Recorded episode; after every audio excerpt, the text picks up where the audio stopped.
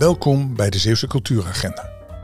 In deze wekelijkse podcast praten we u in een half uur bij over wat al zoal in Zeeland te doen is. Dit keer zijn we in de coulissen te gast in het theater. We beginnen dus niet met de rubriek de aanrader, maar we eindigen ermee. Ik werd Cornelis Wij zijn Groense, Frank en Rob. een uit Utrecht teruggekeerde neef van Camille's moeder. Geboortedatum bleef de mijne, geboorteplaats werd Beekveld. Ik ben deze week naar het theater Het Beest geweest in Goes.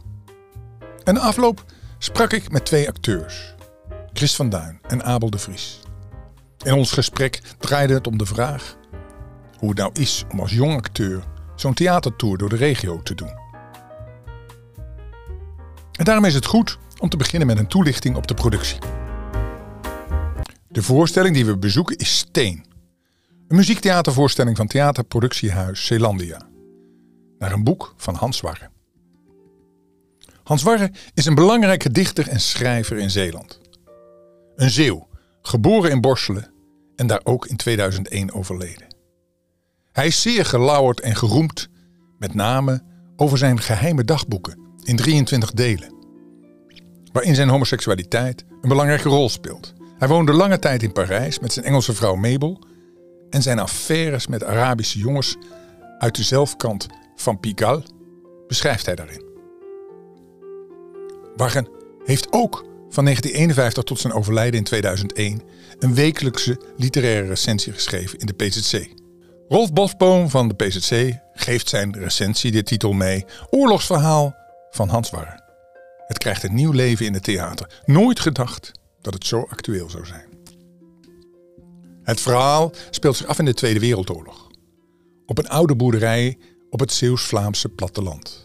Ed, een Joodse jongen uit Utrecht, komt hier onderduiken. En daarmee ontstaat een verhaal van jonge mensen die zichzelf in een bepaalde fase van hun leven aan het ontdekken zijn. De komst van Ed maakt verborgen hartstochten los en legt een groot familiegeheim bloot.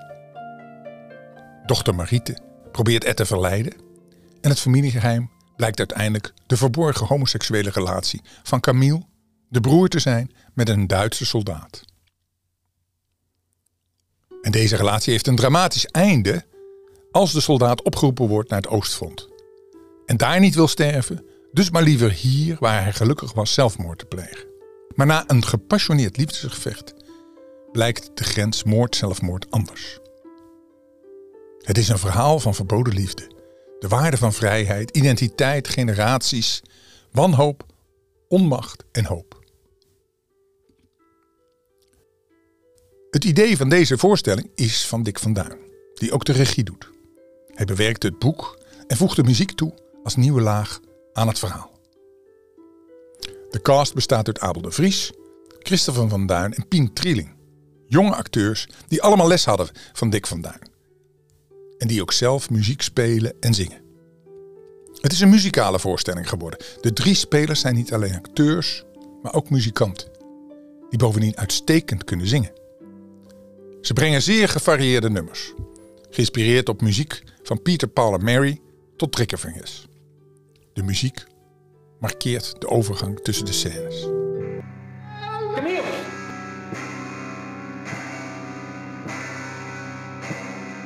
Je dat ik iets om die vent geef? Het is een vuilak.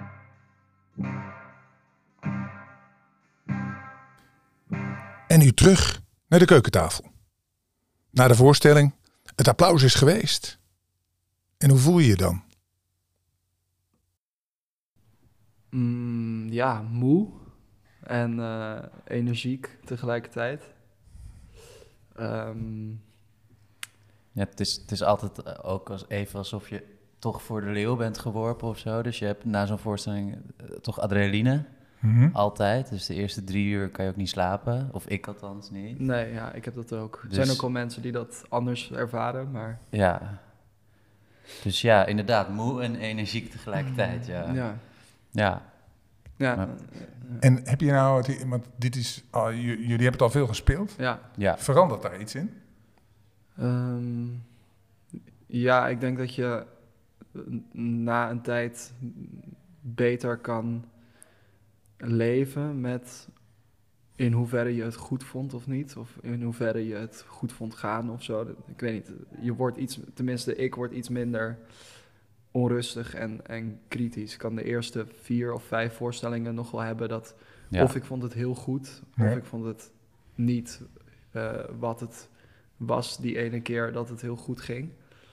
En dan eh, heb ik iets meer de neiging om me terug te trekken, denk ik, na een voorstelling.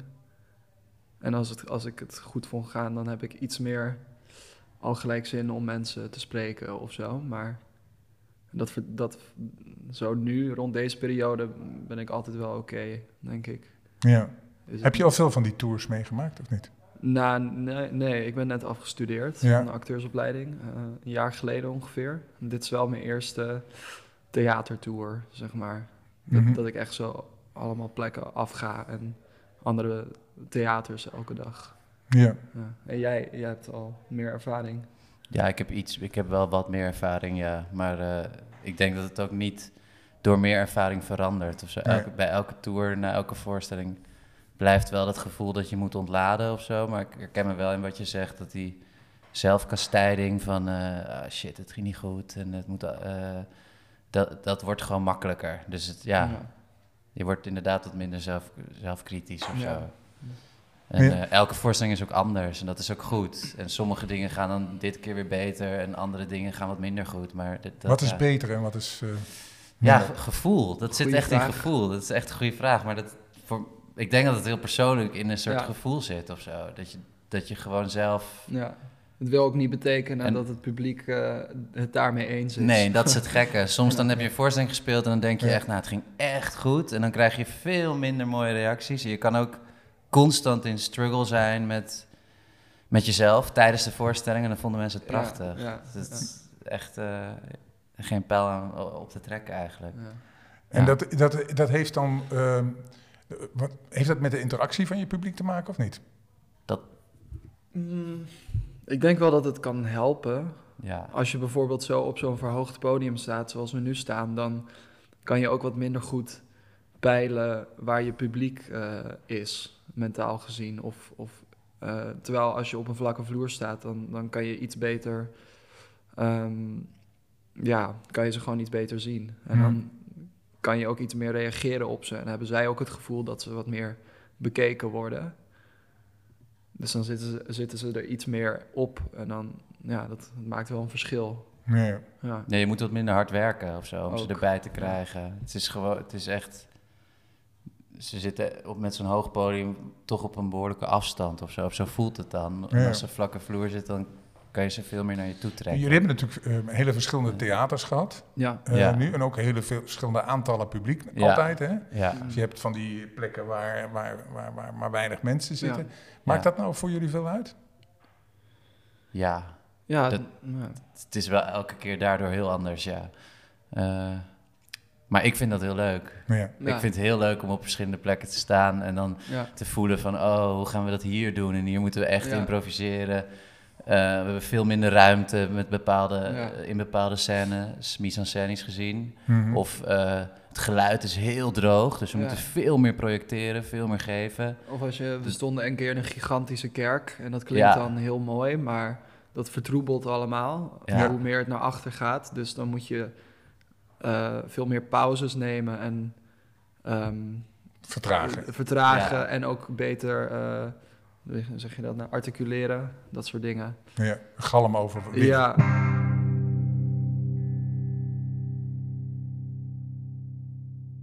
Hey, en als je nou kijkt naar het thema, hè? Eh, jullie zijn in het project gegroeid, denk ik. ja. Ehm, als je even terugkijkt naar toen je daar aan begon. eh, wat deed het thema je? Is, heeft het thema iets met je? Of zeg je van, nou, het was een rol. Mm. Nou, ik denk wel dat, zeg maar, los van eh, de specifieke situatie of zo, van dan mijn personage, wat, wat, natuurlijk wat een beetje ver van me afstaat nog, Mhm. is wel de manier waarop hij zich gedraagt en hoe soort van zijn gedrag beschreven wordt, is wel iets waar ik mezelf wel in herken. Dus de manier waarop hij met zijn angst en zijn onzekerheden omgaat en hoe dat eh, overkomt op anderen en zo.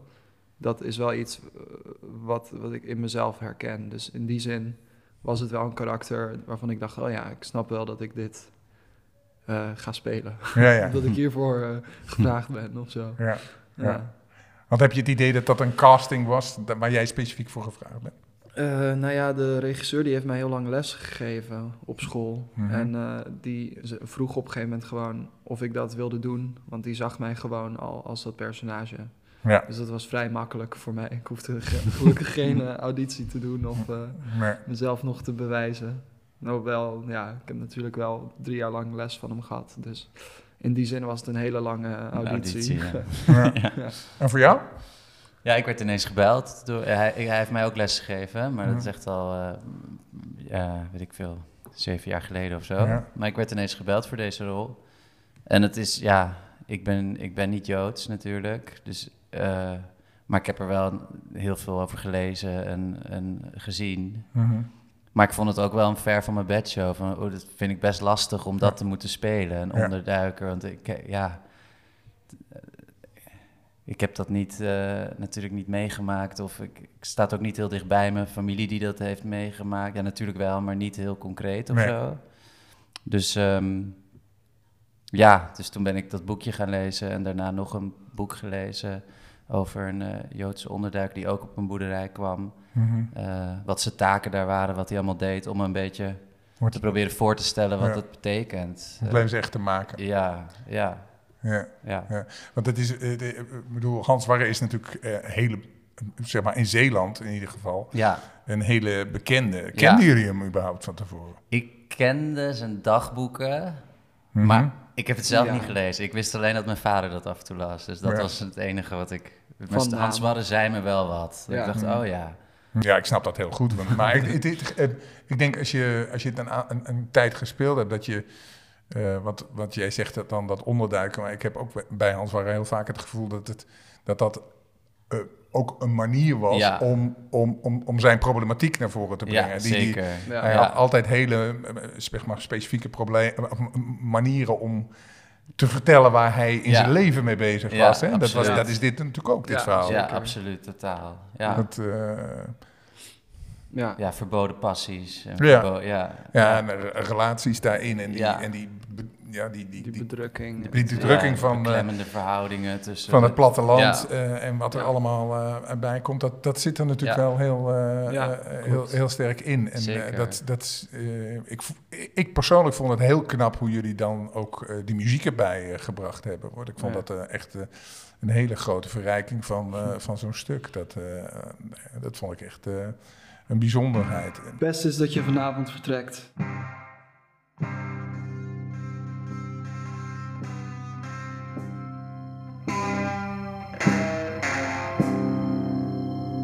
In hoeverre berust ik in mijn eigen absurde lot? Verstoten en vervolgd worden voor iets dat ik niet ben. Voor een waanzin. Een waanzin die tot krankzinnige proporties is uitgegroeid. Is dat ehm, voor jullie zelf ehm, iets anders dan een normale rol? Dat jullie ook die muziek erbij eh, op die manier... Dat moet natuurlijk ook passen ja, bij. Ja. zeker. Dat was wel heel nieuw. Ja, Eh, was echt ehm, nieuw, ja. Eigenlijk onze collega Pien, eh, die Marite speelt, die ehm, heeft nog het meest ervaring. Die heeft ook in een band gezeten en zo, Mhm. maar wij allebei eigenlijk niet. Dus eh, wij moesten die partijen eigenlijk, ja, praktisch eh, moest ik de gitaar in principe leren spelen. En jij kon al goed piano. Ja, Maar nooit samen gespeeld, nooit zeg maar, zich moeten verhouden tot anderen ook. Eh, en dan heb je ook nog het, het stukje dat je dan soms een vrij intens eh, emotionele scène zit te spelen. En dat je dan vervolgens moet schakelen naar heel technisch een liedje gewoon eh, Ja. Ja. op een gitaar kunnen doen. ja. De plucht erin. En, Ja. Ja, ja. ik weet nog wel dat die, die overgangen waren wel moeilijk om te maken, heel lang. Dat, Mm. dat ik merkte van, oh, het zijpelt nu nog door. Maar op een gegeven moment, eh, ja, voor mij in ieder geval, eh, komt het allemaal neer op, een- komt het allemaal neer op eh, lichamelijkheid. Dus zo'n emotionele scène is uiteindelijk alleen maar mijn lichaam in een bepaalde staat eh, brengen. Mhm. En vervolgens ook eh, weer daaruit trekken door gewoon goed uit te ademen en mezelf klaar te stomen voor een zuiver technisch eh, lied. Ja. Die daar gewoon, dat was ook wel een verschil dat we op een gegeven moment, zei eh, de regisseur van, eh, eh, die liedjes, die moet je echt als iets aparts zien. Want Ja. wij gingen een soort van doorspelen, een soort van proberen te psychologiseren of voor onszelf door te blijven spelen van waarom zou ik nu een muziekstuk gaan spelen na deze scène. Maar dat, dat werd allemaal te, te vaag en te raar. Dus uiteindelijk heeft het heel erg geholpen om te zeggen van nou, we spelen gewoon die nummers daardoorheen. En een, een soort logica daarin wijst zich dan wel vanzelf. Ja. En mensen mogen daar met al het plezier een eigen invulling aan geven hoe die dingen ja, tegen elkaar eh, staan in verhouding. Want dan is het ook meer een, zeg maar, een break van, eh, van het geheel, denk ik. Hè? Dus het, het, is- het, het, het is, Ja. eh, dat, dat zie je ook, ook, dat is ook, dat is ook in de taal natuurlijk, Ja. hè, die jullie Ja. dan zingen. Dat, Ja. dat, dat, dat, dat is ook niet een heel vloeiend, eh, Nee. doorgaand eh, Nee. Eh, geheel. Dus dat, Nee. is, dat is op zich wel... eh, Ja, en dan zijn we ook gewoon drie acteurs op het podium die, die samen een liedje spelen of Mhm. muziek maken, zeg Ja. maar. In plaats Ja. van dat we heel erg nog in onze personages dat moeten doen. ja. Ja.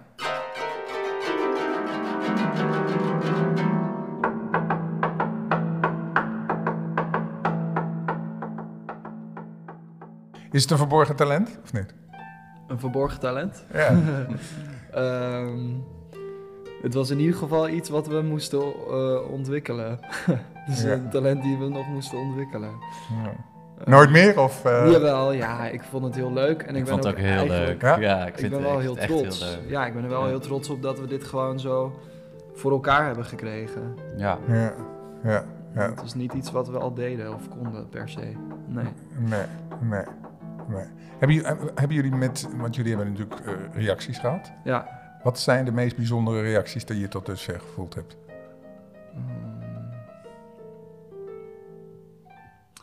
Nou, ik heb wel twee keer gehad, denk ik. Dat er dan een man naar me toe kwam van, ja, laten we zeggen 40 of 50 of zo. En die was dan met zijn vrouw komen kijken. En eh, die kwam dan, twee keer was het dan, um, dat een man echt in tranen naar me toe kwam. Hoe eh, goed hij het dan vond. En eh, ja, inhoudelijk weet ik niet wat, er dan speelt. Maar het, het raakt me dan wel dat het dan, het is dan toch niet het, het type persoon die je verwacht, die heel emotioneel naar je toe komt en eh, dat zegt. Ja, Het lijkt wel, het leek in beide gevallen wel alsof er dan iets bij diegene was losgebroken door dit stuk. Ik weet niet, een soort eh, mannelijkheid die omhoog gehouden is gebleven, die dan eh, op een bepaalde manier getriggerd wordt dat het oké is om ja, te huilen of wat dan ook.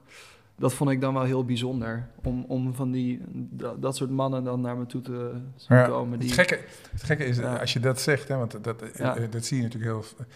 ehm, eigenlijk is wat Hans Warre ook meerdere malen in zijn leven gezegd heeft... dat de manier waarop hij schrijft... dan ook personen in feite die zich daarmee identificeren. Ja. Eh, en en die, die- die- dat, is, Mhm.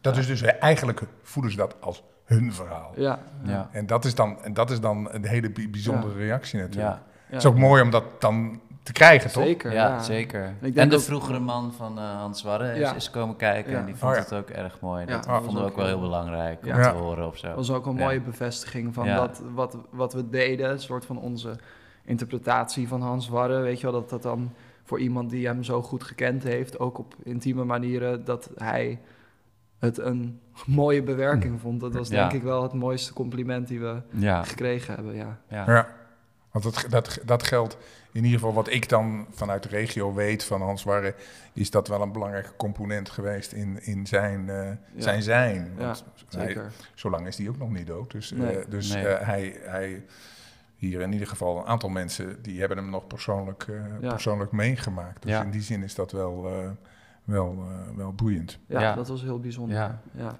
Ja. Hey, en eh, dit is toch aan het begin van jullie carrière. In, in, in zo'n, zeg maar, in een aparte regio. Eh, en hoe zie je dat zelf? Heb je het gevoel dat, want jij werd gebeld. Eh, word je wel eens meer gebeld door anderen? Eh, en, en wat voor soort projecten zijn dat dan? Is het zo dat... Nou, normaal gesproken word je niet zo snel uit het niets gebeld. Het is Hmm. toch wel vaak dat je auditie komt doen. En dan, Ja. Of je wordt het niet, of je wordt het net niet, of je wordt het wel. En dat is dan heel fijn. Ja. Maar nu was het echt... eh, ja, omdat Dick met mij heeft... eh, omdat ik ook, hij heeft mij lesgegeven, werd ik gewoon... Had Ja. hij mij dus in zijn hoofd voor deze, voor deze rol. Ja, Dus eh, omdat dit ook Ja. een specifieke productie was, een echte serieuze Ja. productie was. ja, ja. Want dat is het ja, en omdat hij wist dat er, dat er muziek in gemaakt moest worden. Ja. En eh, hij wist wel dat ik muzikaal was. Een mooi verhaal, toch? Prachtig. Een mooie ervaring ook. Ja, Zeker. absoluut. Ja, heel fijn ook om het hier ook eh, te spelen hoor. Ja. Op al deze plekken. Je merkt toch dat er een bepaald, eh, bepaalde dingen beter begrepen worden dan wij zelf eh, misschien begrijpen. Be- bepaalde teksten zeggen of bepaalde beelden schetsen Ja. van een plek. Of eh, ja, een bepaalde grap of zo. Dat, dat die dingen wat betekenisvoller vallen bij eh Zeeuws publiek. Ja. Dat is wel heel, heel fijn om, eh, om te ervaren. Ja. Ja. zoals die beschrijvingen van die boerderij ja. en zo. Dat, dat herkennen heel Herkennen veel Zeeuwen mensen. toch wel echt. Ja, en het, ook het, eh, het fenomeen, het, je benauwing van, Ja, van het zo'n platteland plek, is ja. natuurlijk heel voelbaar hier voor een heleboel mensen. Ja, ja. En die kunnen dat heel goed eh, ook visualiseren. Als je praat over de boomgaard, dan kunnen een heleboel mensen hebben daar een beeld bij. Ja. Eh, Zo'n dreef, daar heeft iedereen een beeld bij. Dus Ja. dat, Ja, dat Ja. hebben we ook heel veel teruggekregen. Want het is natuurlijk best een resolute bewerking. Er is heel veel uitgehaald ook qua tekst. Maar dat, dat dat publiek het heel fijn vindt om, dat ze de tijd krijgen om zelf ja. die beelden te maken. Ja. Constant. Ja. Van, die, van die boerderij en van die plek. En Ja. dat, dat je eh, fantasie heel erg getriggerd wordt tijdens deze voorstelling. Dat vond ik ook een mooi compliment. ik vond het heel fijn eh, eh, om, om jullie te spreken. Ja. Dat was leuk. Dat was een leuk gesprek. Ja, Dank ja. je. Ja.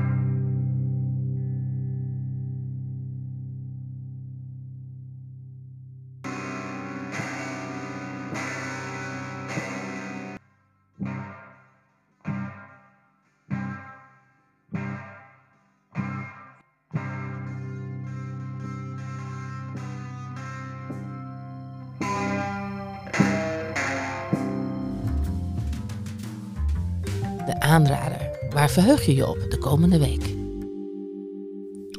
We zijn weer terug in de studio. En in het kader van onze rubriek Waar verheug je je op? kijken we met Wietske en Frank ook nog even naar een aantal mooie dingen die de komende weken komen gaan. Ehm, waar ik me op verheug is een avond, eh, dat is vrijdag 20 mei, in de Oostkerk, georganiseerd door de Oostkerk samen met de drukkerij. En de gast is die avond Michael Ignatief, of Michael, ik weet niet eh, hoe hij, want hij is ook van, nog van Russische oorsprong geloof ik. Maar hij heeft het eh, boek Troost geschreven en Troost is echt een bestseller geworden. Hij heeft heel veel boeken geschreven. Het wonderlijke is dat hij dat boek geschreven heeft voor de pandemie eh, uitgebroken is. Ehm, maar een zin die dan daar wel heel erg op slaat wat hij nou eigenlijk bedoelt, eh, lees ik even voor. Wanneer we een naaste kwijtraken, wanneer we geconfronteerd worden met verlies, wanneer er sprake is van een ramp, oorlog, hongersnood, pandemie, gaan we op zoek naar troost. En ik heb hem ehm, gehoord toen hij in Buitenhof zat. Mateloos interessant, moet ik zeggen. Ehm, je zou kunnen, ja, je zeggen, hoe kan je een heel boek vol schrijven alleen maar over het onderwerp troost? Maar ehm, het, ik denk dat het heel boeiend is. Ehm, Barbara Ome is de Is gespreksleider. het nou fictie of non-fictie? Nee, dit is, dit is non-fictie, want het is natuurlijk, ehm, troost gaat ons allemaal aan. Oh, het is niet een verhaal waar troost in verwerkt is. Nee, het is het, echt gaat, het gaat echt over troost. Hoe, hoe, waarom hebben we troost nodig? Hoe ervaren wij troost? Ah. En ehm, het is niet een boek wat ik dan een parasolboek noem. hè, lekker onder de parasol met je benen omhoog en een eh, lekker glaasje wijn naast je. En dan gewoon le- een lekker boek lezen. Dit is denk ik een boek wat je ja, stukjes bij beetjes moet eh, lezen. Het is gewoon filosofisch. Hmm. En hij, hij zegt ook, eh, troost heeft ook te maken met aanraking, een arm om je schouder. Ehm, het is meer dan alleen maar zeggen van, eh, goh, ehm, hoe gaat het met je? Ehm, het is Maar echt, is het dan een psychologische verhandeling Ja. of is het een... nee, Oké, het is echt helemaal psychologisch. psychologisch Het is niet hoe troost in de tijd, eh, hoe Nee, mensen dat... wat, wel, wat wel heel bijzonder is, hij zegt dat de, de mensen natuurlijk uh, losgeraakt zijn van het instituut waar vroeger troost geboden werd. Dat was de kerk. Ja. En, maar hij zelf is, uh, hij is niet gelovig, was op een gegeven moment heel erg getroffen door um, psalmen, waar hij dan toch, uh, ondanks het feit dat hij dus niet gelovig is, zo ongelooflijk veel troost uitputte. En ook deze avond in de Oostkerk is er een puntkwartet en zij zullen um, vier psalmen van troost tot klinken brengen, zoals er staat. Dus die, die combinatie van muziek en troost uh, is voor hem ook heel erg belangrijk. En is dit een tour die hij door het hele land doet? Of, uh... Dat denk ik haast wel. Ik vind het wel heel bijzonder dat die man hier, uh, hier is. en, en Barbara Omer, die ook altijd erg bezig is met mensenrechten, want daar zal het ook over gaan. Um, die interviewt hem. Het is in het Engels. Maar ja, ik denk dat het een maatloos interessante avond wordt. Ja, ja. ja. ja we moeten het zien als een, een praat, een interviewprogramma ja. eigenlijk. Ja, ja. Ja, ja. En specifiek, uh, ik begreep uh, van Frank dat Troost het erg goed doet in, in Zeeland. Hebben we daar een reden voor, Frank? Ik heb geen idee, ik weet niet of het klopt, maar ik meen dat gehoord te hebben van iemand die zei... Uh, in Zeeland is het boek heel populair. Ja, ja. Dus misschien hebben ze ja, wel is... wat meer troost nodig dan de rest van Nederland. nou ja, dan kom je ook op kunst. Uh, kunst en troost. Hè. We hebben natuurlijk in de coronatijd uh, de enige manifestatie die beeldende kunstenaars konden realiseren, omdat alles gesloten was, was de boulevard van schoonheid en troost. En schoonheid en troost die, die zijn ook een mooie precies. verbinding. En mensen putten ook troost uit schoonheid. Hè. Ik zeg niet dat kunst altijd schoonheid moet zijn. Maar, ja, het is een oud thema. Hè. Ik denk nu aan het VPRO-programma van Wim Kuijzer. Ja. Over de schoonheid en de ja, troost. Precies, ja. Waarin die, en, en, en die, zie je hoeveel daarover de melding is. Want hij laat daarin uh, uh, kunstenaars, uh, filosofen en wetenschappers, laat hij, hij portretteert hij.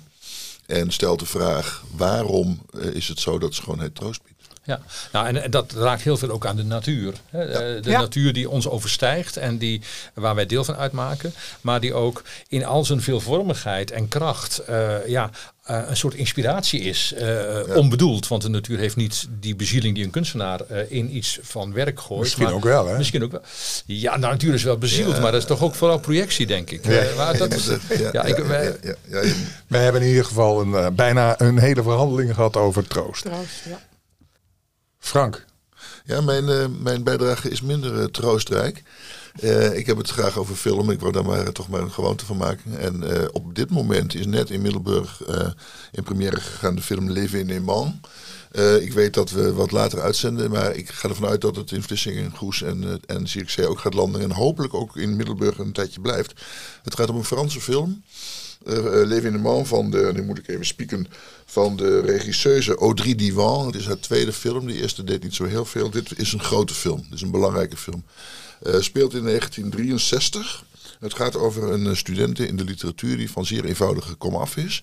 Die dus eigenlijk ook een beetje nou, maatschappelijk zeg maar, gezien moeite moet doen om die positie als studenten vast te houden. En um, haar ouders zijn wel trots op haar, maar denken ook, ja, je kunt ook op een andere manier geld verdienen. Um, het probleem is dat zij in een wereld die um, toch, ja, laat ik het maar gewoon bekrompen noemen, 1963 Frankrijk, uh, dat zij zwanger raakt. Ze is voor in de twintig. En dat uh, is een, levert haar een dijk van een probleem op. Want het betekent dat zij haar studie moet afbreken. Mm -hmm. uh, kortom, zij gaat op zoek naar een oplossing.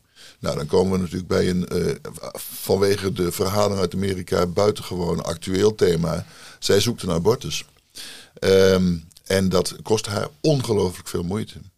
Um, de, het mooie van de film, wat de vorm betreft, is dat wij haar de hele film volgen. Zij is constant in beeld. Niet op een manier die, uh, waardoor we haar te dicht bij haar zijn. Ze, ze krijgt wel ruimte van de film. Maar wij zijn constant bij haar. Um, dus wij leven mee met de manieren, verschillende manieren waarop zij afgewezen en ook bedrogen wordt in, in deze film. En waar, waarin blijkt hoezeer het maatschappelijk onmogelijk is uh, om in 1963 in Frankrijk op een medisch verantwoorde manier een abortus te krijgen. Uh, dat speelt dat, dat medische, dat veilige medische speelt een grote rol. De film laat ook alles zien. Dat is wel een beetje een waarschuwing hoor, want de film laat echt alles zien. Ja. En um, hij deed mij erg denken aan een eerdere film over ditzelfde thema. Een Roemeense film uit 2007. Uh, vier maanden, drie weken en twee dagen van uh, de regisseur Mangiu. Uh, wat, wat mij betreft om andere redenen een van de allerbeste films is die dit millennium zijn uitgebracht. En deze film refereert daaraan. Er zijn uh, visuele echo's van die Roemeense film vind je hierin terug.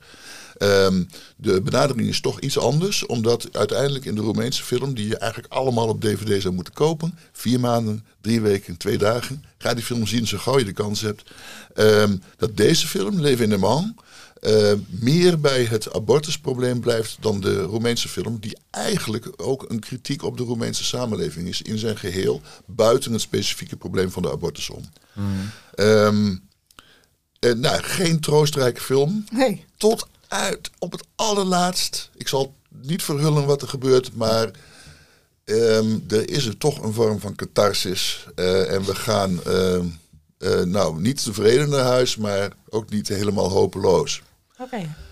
Mooi. Spannend. Ja, Spannend, ja. zeker een uh, film om te gaan bekijken.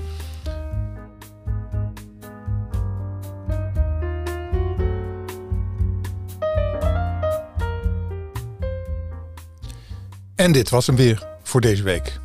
Het was een mooie en heel persoonlijke ontmoeting met Abel de Vries en Christopher van Duin. Zij lieten ons als publiek toch even toe bij hun gevoel. Hoe ervaren zij het maken en uitvoeren van deze productie? De mens en zijn rol. Ook danken we regisseur Dick van Duin. Hij las immers het boek en dacht: dit is iets voor Zeeland. En met succes mogen we stellen. We sluiten af met dank aan iedereen die ons bijstaat bij het maken van deze podcast en vooral aan u als luisteraar. We hebben nog steeds veel lol bij het maken. De volgende podcast is er alweer snel. Want we geven daarin een voorproefje op alweer een Zeeuws festival voor klassieke muziek. Sinds 2019 komt Amsterdam Sinfonietta een weekend naar Zeeland. En wij zijn erbij om met de muzici te spreken. Woensdag staat de volgende podcast alweer klaar. Maar als je onze podcast volgt, krijg je automatisch een berichtje. Hopelijk tot de volgende keer. En deel deze podcast met je vrienden. Zodat zoveel mogelijk mensen in Zeeland weten wat voor mooie dingen er gebeuren.